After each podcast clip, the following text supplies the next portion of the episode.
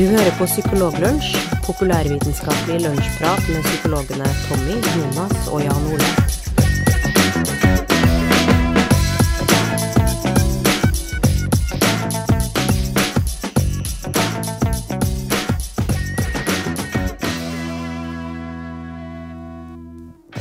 God dag, folkens, og velkommen til en ny episode med Psykologlunsj.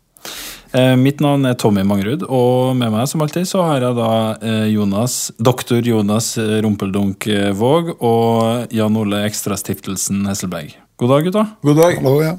Og Jonas er jo du, Jonas, du rykker jo bare fortsatt fra oss. Du driver og skaffer deg nye titler uh, i Ja, det er over en lav sko. Ja, det, det er sant. Jeg prøver å samle mest mulig. Hva skal du bli nå? Jeg er jo tvillingpappa. Det er sikkert det du sikter til. Det er primært det jeg sikter til. Det står jo Det er LinkedIn profile. Twin dad. Nei, jeg, jeg skal ha en bistilling eh, som førsteamanuensis, og det, det blir jo stas. Jeg må lære meg å uttale òg, for det, det syns jeg er litt vanskelig. Jeg hadde, eller Tommy og jeg hadde en foreleser eh, som kalte det for amanuensis vulgaris. Oi. Fordi det var jo så simpelt og, og åpenbart veldig vulgært. da Ja. Når du ikke er pro- blitt professor ennå, så, så kan du bare kalle deg det. Sant. Jeg må, jeg må skaffe Jeg må kjappe meg og bli professor fortest mulig. Men eh, den førsteamanuensistittelen på engelsk skal jo høres så mye finere ut. Associate professor, det, det er Yes, litt eh, yes. eh, Det høres mer stas ut. Det gjør det, altså. Ja, nei, det, er, det går jo nedenom og hjem for Tommy og meg. Det er ingen tvil om det. Det har du gjort lenge. Det er jo fremdeles uh, det jeg må søke til da, hvis jeg skal drive på med noe forskning, så det Snart er, jo, snart er du jo eh, utdanningsminister, eller noe sånt, nå, så da, da er jo du som dikterer alt. har vært stas. eh, Det, det, da kunne vi rydda opp i mye. Det kunne vi gjort. Ja. Vi, har jo, vi har jo hatt en episode som snakka om noe, ikke, om hvordan hvordan vi skulle få liksom eh, psykologi inn i skolen og sånt. Ja. Episode åtte for den som er interessert, eller noe sånt. Eh, men i dag, så det, Før vi går videre, så hadde jeg tenkt at vi skulle eh, si at for de som den årvåkne lytter, oppdaga at vi var på jakt etter en, eh, en produsent til å hjelpe oss med episodene for, noen, for en stund tilbake. Og etter um, knallhard kniving og hard kamp, så har vi landa på uh, vår gode Sverre Sandvik. Som vi er veldig glad for at skal hjelpe oss med arbeidet med redigering og gjøre ting bedre, da. Så det høres litt, så det er litt mer behagelig for øret. Det er liten tvil om at han eh, bidro til å løfte nivået ganske betraktelig. Mm. Han gjorde det, og så har han klippa bort de pilene i pausene òg. Så de, eh, det, som, eh, Ja. det som han Sverre ikke har fått klippa bort nå, eh, det er ekstra Altså, det tror jeg bare du må regne med. Vi er såpass trege, Ja. i hvert fall jeg. Så når dere føler at samtalen flyter bra oss imellom, og, og at vi er lytteverdige generelt, så er det fra nå av Sverre sin fortjeneste. Vi er i hvert fall veldig glad for å ha Sverre på laget, da. Og hva kan vi si om Sverre? Sverre han eh, går på Westerdals. Ja. Jeg ser på, på bildene vi har fått tilsendt. Han har sendt oss masse bilder. Så bruker han eh, briller. Og han trakterer eh, gitaren. Han behersker å spille gitar. Han kan grep. Ja. Veldig bra. Det kan jo hende han kan spille en trall eh, for oss en, eh, en dag. Han skulle jo vært med på 66-nummeret ditt, Jonas. Ja, det, det er jo fortsatt eh, håp om eh, Summer of 69, som eh, kommer Ja. om to episoder. Vi får en remix-versjon. Har dere noen felles venner med Sverre på Facebook? Det har ikke jeg Det har sjekka. ikke jeg sjekka du? Jeg har én felles venn med Sverre på Facebook, og det er Jonas Våg. Ja, det har du. Ja. Ja. Jeg ser jo av de bildene her at det er under Sverres verdighet å spille musikk for oss. Ja. ja, det er det antageligvis. Ja. Så i dag så vier vi halve episoden til Sverre. Det er fordi vi er veldig glad for at han er med på laget. Eh, Yes. og neste halvdel av episoden skal vi bruke til å snakke om psykologi, og det begynner nå. Eh, Jonas eh, skal snakke om et utrolig spennende tema som ligger mitt hjerte veldig nært, eh, nemlig fotball. Eh, og så, så det blir veldig spennende. Men eh, før det så skal Jan Ole Han har en hel haug med nyhetssaker som han er ivrig etter å dele med oss. Jeg kan godt eh, begi meg ut på det. Altså. Eh, eh, veldig ofte så er det sånn eh, er jo, Det er ikke noe tvil om at Psykologlunsj har en tendens til å bli eh, delvis nedprioritert i en hektisk eh, hverdag, så vi utsetter eh, ting litt. Grann. Vi er veldig flinke til å utsette. For eksempel nå så spiller vi inn på eh, en onsdag når vi egentlig skulle ha spilt inn på en søndag. Og så er det jo, når man har nyhetssaken, sånn som jeg har nå, så sjekker man litt sånn i siste liten eh, hva har skjedd innenfor psykologien i løpet av de siste par ukene. Og eh, vanligvis så eh, må man lete litt eh, mye, men nå var det ikke så veldig vanskelig å finne saker. For det første så sjekket jeg et nyhetsbrev fra denne foreningen som eh, vi vel alle eh, har en fot innenfor, som heter så mye som Psykologforeningen. Nei. Det er det nyhetsbrevet. Får dere ikke nyhetsbrevet? Eh, skal vi se, nå skal jeg bare finne Psykologiforbundet. Nei, det er jo Nei, du mener det der, det der som er den dealen du får gjennom psykologisk, du. Ja. Ok, ja.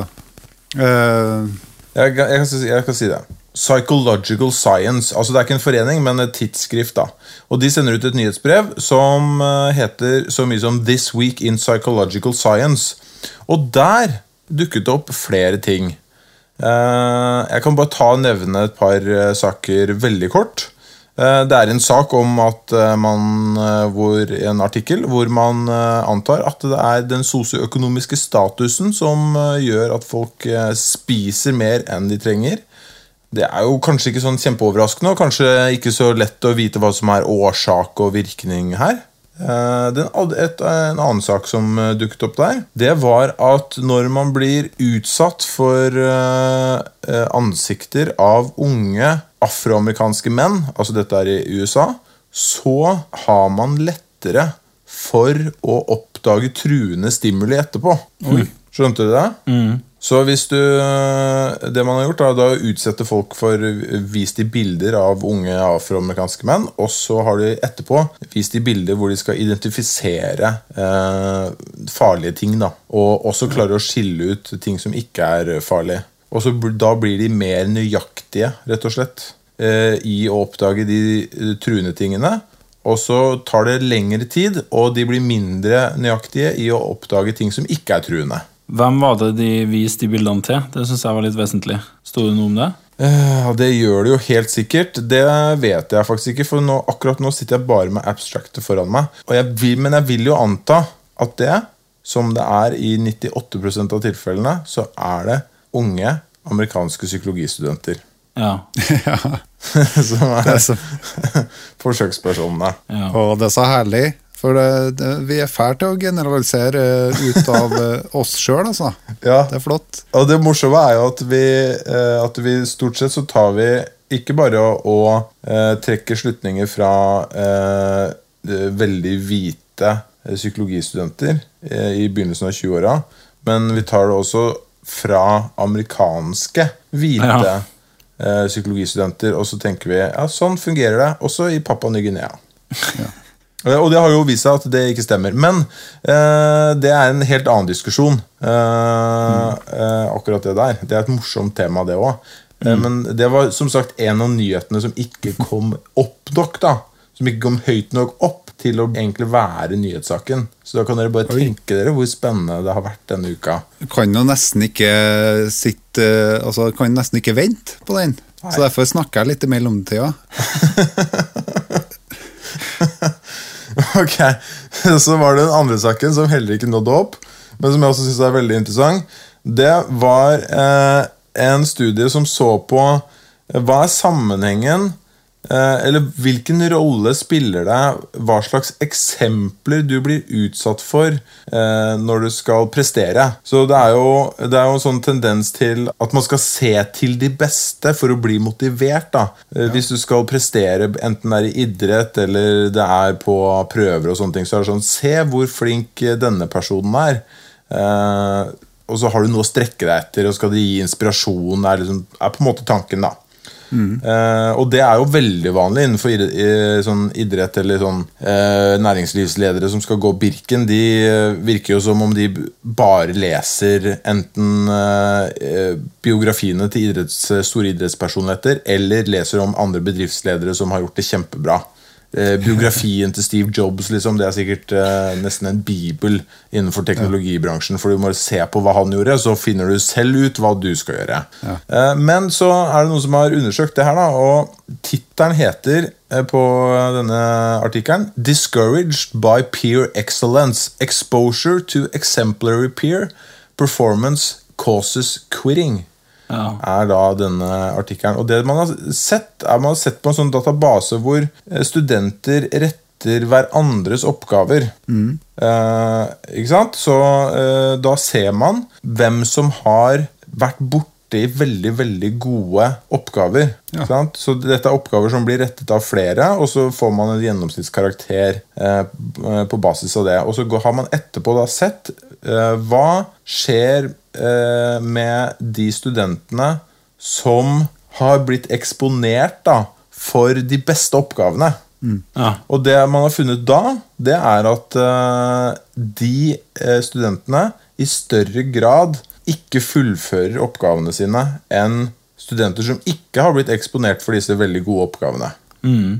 Da, men det er vanskelig å vite ikke sant? Det er vanskelig å vite ut fra det om det faktisk er sånn at uh, det er fordi de har blitt utsatt for disse uh, veldig gode oppgavene. Så de gjennomførte en ny runde av denne studien hvor de sørget for å bare Hvor de kontrollerte det og eksponerte studenter for veldig gode essayer som var skrevet som hadde veldig høy kvalitet. Og fant da at eh, det førte til at studentene følte seg mindre i, i stand til å skrive sånne essayer selv. Så det gjorde noe med uh, i hvor stor grad de trodde at de var i stand til å skrive gode essayer. Når de fikk det eksempelet, så skjønte de på en måte Å herregud, så bra kan jeg aldri skrive. Eh, så det fungerte demotiverende, eh, og gjorde at de hadde mindre sannsynlighet for å fullføre det kurset, da, the course, som de gikk på.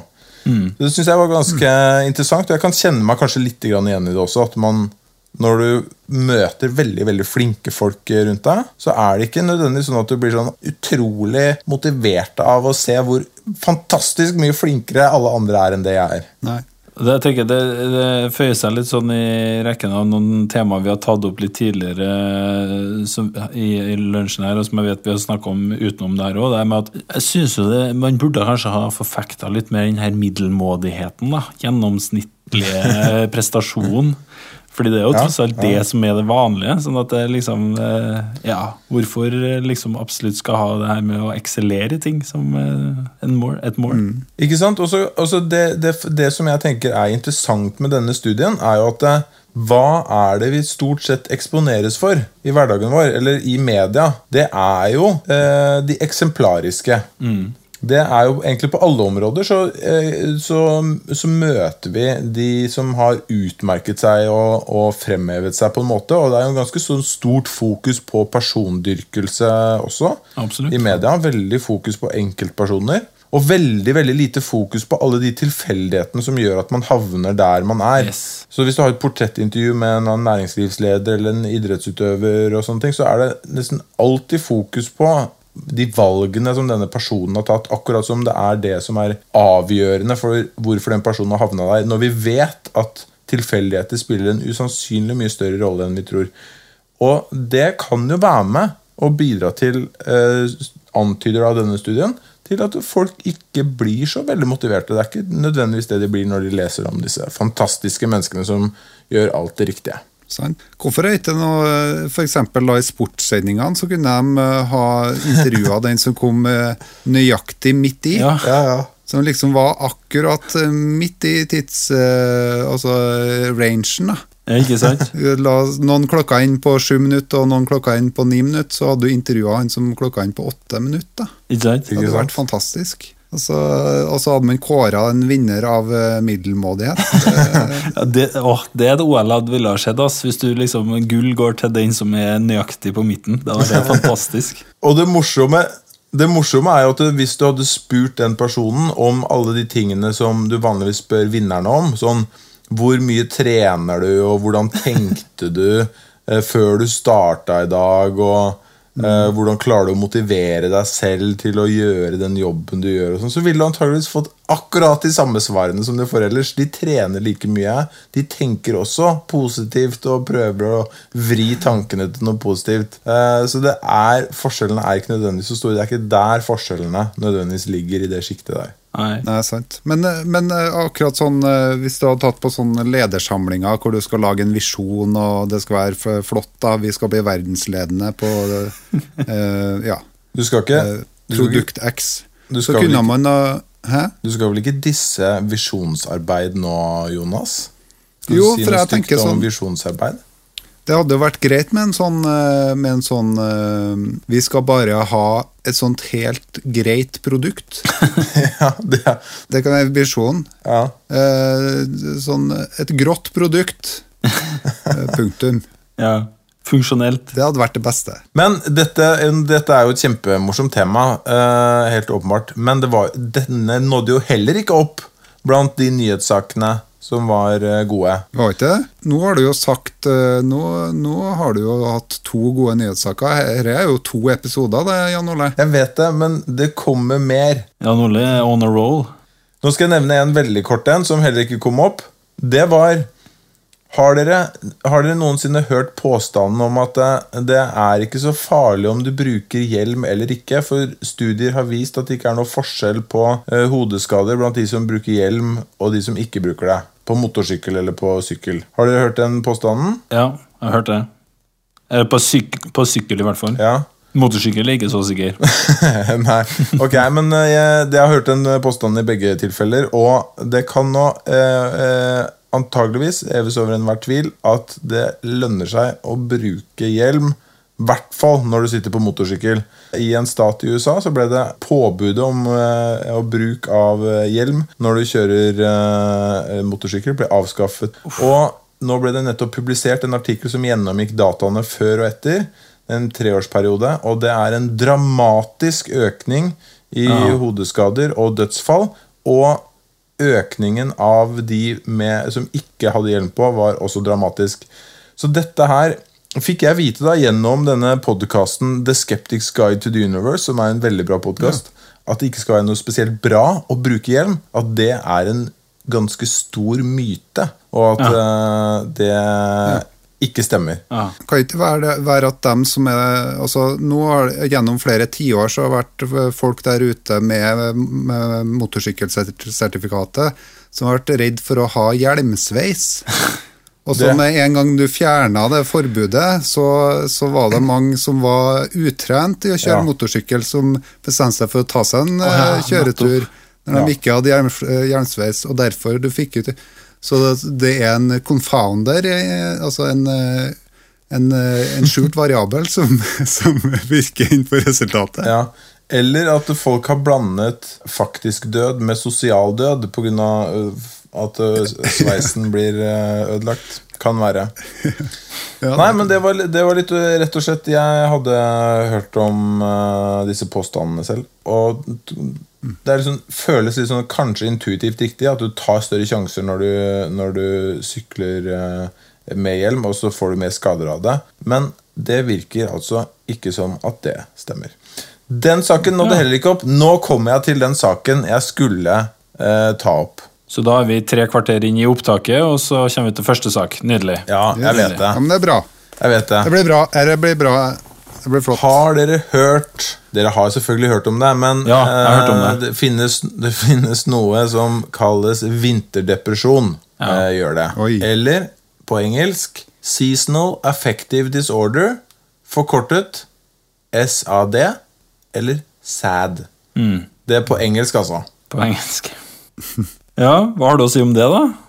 Du, vet hva, det har jeg ganske mye å si om. Fordi det, det er jo Spesielt her i Norge så har det jo vært eh, et veldig stort fokus på det.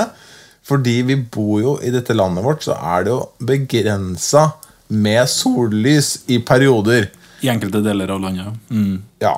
Eh, og så har du jo, eh, ikke bare i enkelte deler av landet, det er jo lite også sør i Norge, sammenlignet med resten av verden. Det er sant. Eh, og så har du eh, Så har du hatt ganske mange rapporter som sier at i eh, mørketidsperiodene så er forekomsten av depressive eller symptomer på depresjon øker.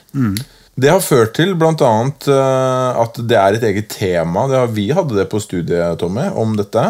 Og i tillegg så er det ikke uvanlig at eh, poliklinikker eller behandlingssteder har sånne lamper som de låner ut til pasientene sine, sånn at du kan få eh, nok eh, lys inn i øynene som skal gjøre at eh, det skjer ting i hjernen. Da, altså at eh, melatoninproduksjonen går ned, da, sånn at du ikke blir så, eh, så trøtt og rammes så hardt av eh, disse symptomene. Men dette med å forske på eh, om det faktisk finnes, er en ganske møysommelig affære. Det er en ganske vanskelig øvelse å finne ut av om det faktisk eh, finnes eh, eh, noe som heter vinterdepresjon eller ikke. Det er ikke, det er ikke så enkelt. Du trenger ganske mye data. Og nå har det blitt publisert en veldig stor studie som tar for seg 35 000 eh, amerikanere som har fått spørreskjema som de har svart på i løpet av et år.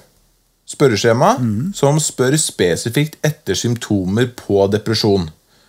Og den undersøkelsen den ble eh, publisert for et par uker siden, og den konkluderer med at det ikke er noe som helst variasjon i symptomer på depresjon i løpet av året. Ja. Oi. Den gjør faktisk det, altså. Og tittelen på den nyhetssaken er 'No evidence of seasonal differences in depressive symptoms'. Ja. Men er ikke det er en bekreftelse på en eh, ganske stor eh, studie som ble gjort eh, i Tromsø for mange år siden? Jeg tror faktisk de hadde en lignende undersøkelse der, skjønner du, der de også, også på en måte fant at det ikke var det store At det var mest en myte, hvis ikke jeg husker helt feil. da. Det er lov å korrigere Ja. meg på det hvis noen uh, vet om det. Det kan godt være, men det er, det er jo ganske overraskende, for det er en ganske sånn etablert del av psykologisk allmennkunnskap, vil jeg kalle det. De aller fleste har hørt om dette. Samtidig så har vi allerede, det, som du sier, Tommy, at det kanskje har vært gjort lignende studier, men vi, vi har allerede indikasjoner på at det kanskje ikke er helt riktig, fordi det er en sånn tanke om eh, Mange tror at det er mange selvmord i Norge, og knytter Ja. det til at vi har eh, lengre At vi har mørkeperioder. Og det er nok en god del som tror at sannsynligheten for selvmord øker også desto lenger nord i landet du kommer. Den forskjellen finner man ikke. Og så er det heller ikke sant at det er spesielt mye i Norge sammenligna med eh, andre land i verden. Vi ligger sånn På WHO sin eh, statistikk så ligger vi sånn midt på treet, faktisk. Ikke sant? Og det er jo hvis mørketid hadde vært en veldig viktig driver av eh, symptomer på depresjon, så skulle man jo kanskje tenke seg at også det, det veldig ekstreme utfallet, som tross alt selvmord eh, er, at det også ville hatt høyere forekomst. Mm. Men så Er ikke, er ikke det her ganske overraskende eh, nyhet? Det er i hvert Eh, fall spennende. Det er interessant. Det er jo, det, er jo, det, er jo, det er jo ikke så ofte at det beskrives i klinikken, sånn som eh, eh, Jeg har ikke hatt mange pasienter som har beskrevet at de har hatt eh, vinterdepresjon, eller, eller ikke kobla det til kobla det til årstid, men det det er jo noen som har eh, beskrevet det, og i media, spesielt da, i, liksom i samfunnet, så er det jo mer sånn anerkjent som et fenomen, da, Ja. eh, som, som beskrives ganske ofte. Ja. Så, det, så det, er jo, det er jo interessant at, eh, at kanskje det er en sånn kulturell aksept for det å, eh, det å rapportere litt eh, mer depresjonssymptomer hvis det er mørkt ut. Og at det kanskje, kanskje har litt mer eh, med det sosiale å gjøre. At da, kan du da kan du ytre deg til noen rundt deg om at du er mer nedstemt, men på sommeren så er det et større skille mellom deg og folk som sprader rundt i sommerkjoler, og det er liksom underforstått at eh, da skal du være blid og, og glad og sitte på kaffebar. Så da, da er det kanskje ikke så akseptert at du, at du rapporterer sånne symptomer, da, eller i hvert fall snakker med andre om det. Ikke sant? Kan det være noe sånn? Ja. Jeg var, jeg var ikke veldig overraska fordi at det var i tråd med det jeg allerede tenkte, så det var mer det jeg tenkte på. Men eh, det, det jeg også undrer meg litt over, det er jo det kan jo være litt nyttig å tenke på at det finnes ulike typer depresjoner i, når man snakker om det her. Altså det finnes, eh, I gamle dager så snakka man mer om det her såkalte endogene og reaktive depresjoner. Så det, det, det finnes ulike typer depresjoner som kanskje i større grad er, er en eh, reaksjon på ting som foregår rundt deg, hvor andre har en mer sånn biologisk komponent eller eller er skyldes eh, ting som du kanskje ikke har så stor kontroll over. da. Mm. Men i den grad at du har en depresjon som kanskje påvirkes mer av ting rundt deg, så kan man jo også ha tenkt at isolerer folk seg mer, f.eks. på vinteren, Altså, har man mindre adspredelser som gjør at man får eh, tankene over på andre ting. Men det er jo en sånn ting som jeg er litt usikker på. For eh, eh, Er man jo mer innendørs f.eks. på vinteren, så treffer man jo kanskje også andre folk som holder seg innendørs. ikke sant? Så det er litt vanskelig å si. Nei, altså det er eh, Det er nå et veldig fascinerende Jeg syns det er et fascinerende funn, fordi at det, så, det, det går litt i Som du sier, eh, Jonas, eh, står litt sånn opp mot det som er sånn, eh, folk flest sitt inntrykk av den saken. Og jeg er nok jeg er helt enig med deg at jeg har også heller aldri opplevd at det har vært et sånt kjempestort tema i terapi. Det har nok vært eh, pasienter som har nevnt det, men det har jo, jeg har aldri opplevd at det har vært kjernen i eh, eh, Eh, noe som er litt rart hvis, hvis det er sånn at det er veldig vanlig, så skulle man jo tro at man kanskje hadde flere sånne tilfeller også uh, inne. Men så det, dette, uh, dette føyer seg fall, Det er ikke noen konklusjon her. på en måte Det er bare gjort en kjempestor undersøkelse som ikke har funnet det. Og det kan sikkert mange måter man kan kritisere den undersøkelsen for også, men det føyer seg i hvert fall inn i den rekken av at været og klima og solas so, tilgjengeligheten på sola spiller altså Det viser seg gjentatte ganger at disse tingene påvirker humøret vårt i ganske begrensa grad, selv om vi føler at de eh, påvirker oss i veldig stor grad. Så når man prøver å måle dette, om folk er blidere når det er eh, mye sol eh, kontra når det er eh, regn, f.eks., så sliter man med å finne eh, det også. Det er i hvert fall ingen tydelige svar på disse tingene. Så jeg syns at eh, sånn generelt sett at dette med vær, klima, eh, sollys, eh, mørke Disse tingene At vi har sliter med å finne klare indikasjoner på at det påvirker oss på kraftige måter. Samtidig som folk flest har en ganske stort eh, inntrykk av at de gjør det. Det syns jeg er et veldig fascinerende tema. Så nå må Meteorologisk institutt legge ned den terapiseksjonen som de eh, holder på å planlegge å, opprette. Ja, Som handler om å sende folk rundt omkring etter der det er best værforhold. Den, Ja, ja. eh, Det, det prosjektet der skrinlegges. oh Det yes. skal grunnlegges. Da eh, er vi veldig glad for at eh, Jan Ola har vært så flink å finne så mange nyhetssaker. Og så eh, tar vi alle sammen en stille applaus inni oss fordi at han endelig kom fram til den saken som han brydde seg mest om. Veldig bra jobba, Jan Ole. Da beveger vi oss rett og slett over til neste tema, da, som er Jonas som skal snakke om fotball. Hva er fotball, Jonas? Fotball er et eh, spill hvor det er elleve mann på hvert eh, lag. Det er to lag, da. Og så spiller de på en bane og prøver å få en ball inni motstanderens mål. Det hørtes helt meningsløst ut. Ja, nei, det er egentlig veldig ålreit å, å se på hvis man ikke har elendige dommere. Eh, og spesielt på Lerkendal, eh, når jeg drar dit og ser på Rosenborg spille, eh, så er jo om hvorvidt dommeren er fra Molde eller ikke, en faktor som spiller inn om dommeren er ræva eller ikke. Akkurat. Eventuelt motsatt, så tenker man, eller så ropes det at dommeren er fra Molde hvis dommeren er dårlig, gjør en beslutning som er mot hjemmelaget. Men nå er det faktisk noen som har forska mer på dette enn det kjernen har gjort. Og prøvd å funne ut om hvorvidt dommeren lar seg påvirke på hjemmekamper eller ikke.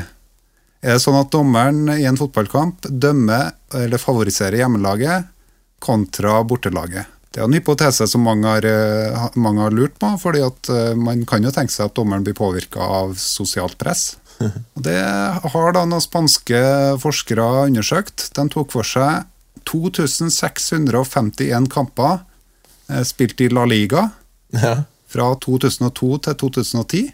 Eh, De baserte seg på to altså De ville undersøke to ting. Det var tilegnelsen av antall frispark til hjemme- og bortelaget. Eh, Og så gjorde de noe ekstra som skiller seg fra annen type forskning på området. For det er gjort en, litt forskning på det tidligere.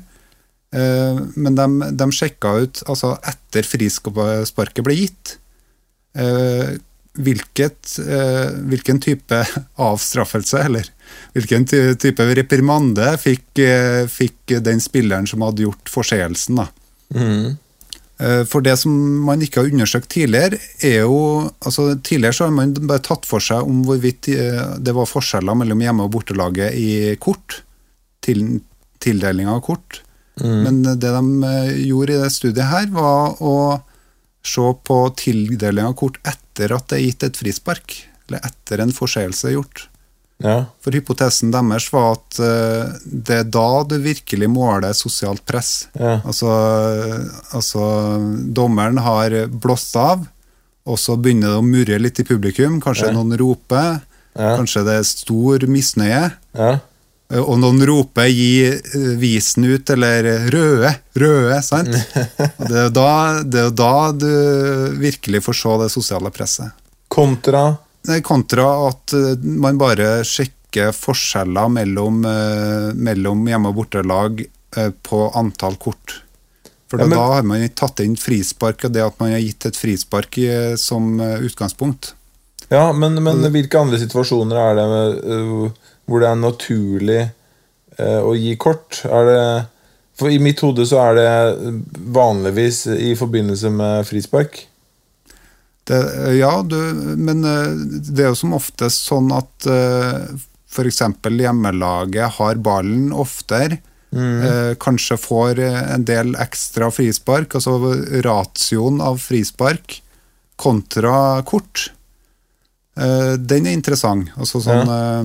eh, om hvorvidt Altså et, et hjemmelag kan jo ha blitt gitt mange flere frispark. Ja.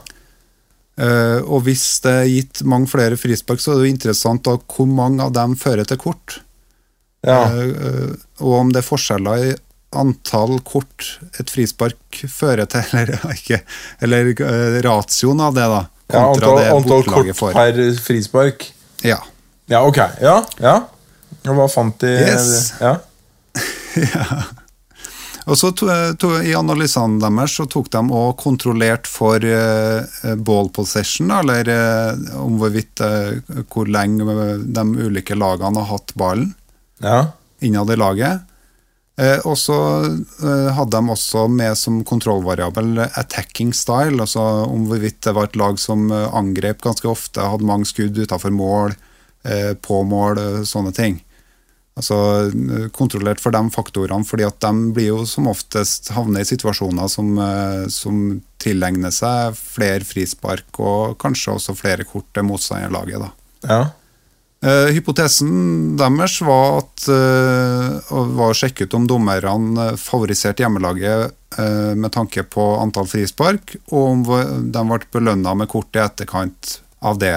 Det de fant, det var ikke sånn at eh, det var noe forskjell i antall frispark gitt til hjemme- og bortelaget. Her var det ingen eh, forskjeller mellom eh, hjemme og borte, men det var om hvorvidt man har hatt ballen lenge, eller uh, antall skudd på mål som predikerte, eller som hadde en sammenheng med frispark som var gitt. da. Ganske sånn uh, intuitivt, akkurat det. Men det var en sammenheng mellom hvorvidt man var et borte- eller et hjemmelag i hvilket type kort man fikk utdelt, og om man i hele tatt fikk kort utdelt. Så, så at eh, det, det, Der fant de en sammenheng der. I tillegg så viste det seg at antall tilskuere på stadion, og hvor full stadion var i, i- altså i antall prosent Ja. mot det som er maksimumantallet som kan være på stadion, ja. Eh, det, det hadde også en klar sammenheng med, med om hvorvidt det ble gitt eh, kort eller ikke. da. Mm. Så, at, eh, så det styrka hypotesen deres om at her er det virkelig et sosialt press på, fra publikum som gjør at dommeren blir påvirka i, i beslutninger som er gjort. Ja. Eh, Men imidlertid så hadde ikke løpebane noe å si, da. Så, at, eh, så at det å ha en løpebane rundt eh, stadion, like, det kan være greit. Altså sånn eh, Uansett, altså, i, engelske, i den engelske ligaen så, så ser du jo oftere at stadion er helt tett på banen. Mm. Og det skal tydeligvis ikke ha noe å si, da, ifølge det, eh, undersøkelsene som er gjort i La Liga. da. Eh, Har de da også undersøkt hvor mange, hvor mange baner det er? på en måte? Hvor mange, Om det er seks Ja, eller åtte. Det hadde vært bra hvis de hadde hatt det. Men, eh, så, så det sier jo litt av Jeg husker jo Lerkendal hadde jo òg en løpebane rundt eh, tidligere. Ja. Så de pengene var jo bortkasta. Man skulle jo heller investert pengene på å gi gratis billetter til folk sånn at de kunne komme inn på stadion. Eh, og eventuelt betale for reisende for å dra på bortekamper, så at den der eh, hjemmepublikum-ratioen, eh, eller andelen, ble redusert. For jeg tenker jo at det kanskje nuller ut den effekten litt. da. ja, det er sant, ja. Mm. Så hvis du er en tippeligaklubb, eh, pass på å få mest mulig tilskuere på stadion. Eh, Det tror jeg de gjør allerede. ja, Og de prøver jeg tror det. det. også. Og så prøv å kutte kutt av restaureringsbudsjettet og bruk det eh, heller på å altså, La den løpebanen få lov til å være der. Ja. Eh, Det er trivelig for dem som driver på med friidrett, og i tillegg så, så kan du bruke pengene på noe annet, sånn som å betale tilskuere inn. Da blir det sikkert veldig lett å få folk til å betale, betale for billettene. Hvis det går rykter om at det er noen som faktisk får penger for å være til stede. Eh, Så jeg ble litt interessert i, i akkurat det. Er det forska mye på, på dommerbeslutninger og, og stadioner og sånn? Og da fant jeg en annen undersøkelse fra 2010, hvor de har sett på sammenhengen mellom arkitekturen på stadion eh, og antall tilskuere, og om hvorvidt det påvirker dommerne. Og ja, det er faktisk det. Altså En stadion som er bygd sånn til å få mest mulig lyd i seg. Ja. Litt sånn som eh, Britannia Stadium, hvor eh, Ja. Hvor Stoke spiller, så er det jo en fantastisk høy lyd. Oh, ja. Der ser jeg, der ser jeg for meg at dommeren blir påvirka ganske, ganske sterkt. ja så det er ikke, det er ikke om, det er, eh, om det er funkis eller Bauhaus, liksom. Det er ikke, vi er ikke Jeg ser for meg at Bauhaus den, det absorberer jo lyden sikkert ganske mye. da. Ja. Mens hvis det er sånn funkis à la det huset en Tommy bor i, Ja. som eh, bare Tommy bor ikke i noe lyd så mye som mulig. Hæ? Er Tommy Det bor ikke i noe funkishus. Herregud, eh, hva er det, hva er det dere kaller funkis oppe i, i Trøndelag der, da? Nei, det er så typisk standardhus som det går an å få det. Ja, men eh, ja, det, det er kanskje det. Det er sant, det. Det ser funkis ut innvendig, gjør det. Utvendig så gjør det kanskje ikke Du tenker på funky, du. Du tenker på at, at Tommy er en funky mann. Og at han Ja, det gjør funky ting. Men det er noe annet enn funkis. Det er sant, det. Men øh, øh, hvis du har øh, Altså Tommy bodde i et funkishus tidligere, så det var derfor jeg forsnakka meg litt. Ja, Det skal jeg være tilbøyelig til å være enig i. At det var litt mer funkis over det Over det Det greiene før. på de ja. Så, så nærme du kan få komme et funkis rekkehus, da. På, ja. på et vis. Det er sant. Men, øh, men, øh, men i hvert fall i, i de rommene så reflekteres jo lyden mye, mye mer. Så, så i et sånt Bauhaus-hus så ser jeg for meg at det kanskje ikke gjør det. Kanskje ikke. Jeg føler på meg at, eh, at det er på sin plass eh, som eh, programleder å hjelpe Psykologlunsj-redaksjonen å nærme seg en konklusjon. Ja, det er en konklusjon på det her. Eh, spar restaureringa. eh, Begynn å synge i stedet på stadion. Eh, det kommer ikke jeg til å gjøre, men eh, det er fint om noen andre gjør det, sånn at, eh, sånn at man får påvirka dommerne mest mulig. Og det er faktisk da, da har vi det svart på hvitt, at dommerne er ikke uhilda. Eh, det de ikke kontrollerte for her, var jo om hvorvidt dommeren er fra Molde, da. Og det, det er det sant. skulle ha vært gjort. Det blir neste. Veldig, veldig bra. Eh, bra jobba, begge to. Det var veldig flott å høre. Eh, nok en gang en veldig fin eh, hilsen til Sverre, og at vi takker for at han er med på laget. I dag har vi snakka 50% av tida om Sverre, og så har vi snakka 30% av tida om eh, huset mitt. eh, og litt psykologi i midten, så det er vi veldig fornøyd med. Vet du hva jeg syns var best med episoden? Nei, før. Eh, Nyhetssak nummer to til Jan Olle. Ikke, den bob boble nummer eh, to, som ikke Ja. kom helt opp. Ja, den syns jeg, den synes jeg Hva da? At folk som blir eksponert for uh, svarte eller afroamerikanske menn? Det det? Nei. Det var kanskje en understreking av at jeg, at jeg har gullfiskhukommelse. At det var litt for mange saker? Det var det du prøver å si? Ok, greit. Da, da stryker jeg den positive Det tilbakemeldinga. dårlig gjort. Jeg, jeg syns du redda episoden bra, Jan Arne. Det var flott, det. ja. Det var, Så, og hvis, hvis det ble veldig komplisert, det der dommergreiene, så er det bare å spole tilbake og høre en gang til. Tusen takk for eh, lunsjen, gutta. Eh, og til alle dere som hører på, så høres vi om et par uker.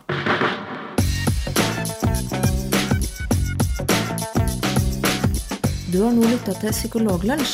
Har du noen spørsmål, kan du søke opp Psykologlunsj på Twitter, eller du kan sende en e-post til psykologlunsj alfakrøll gmail.com.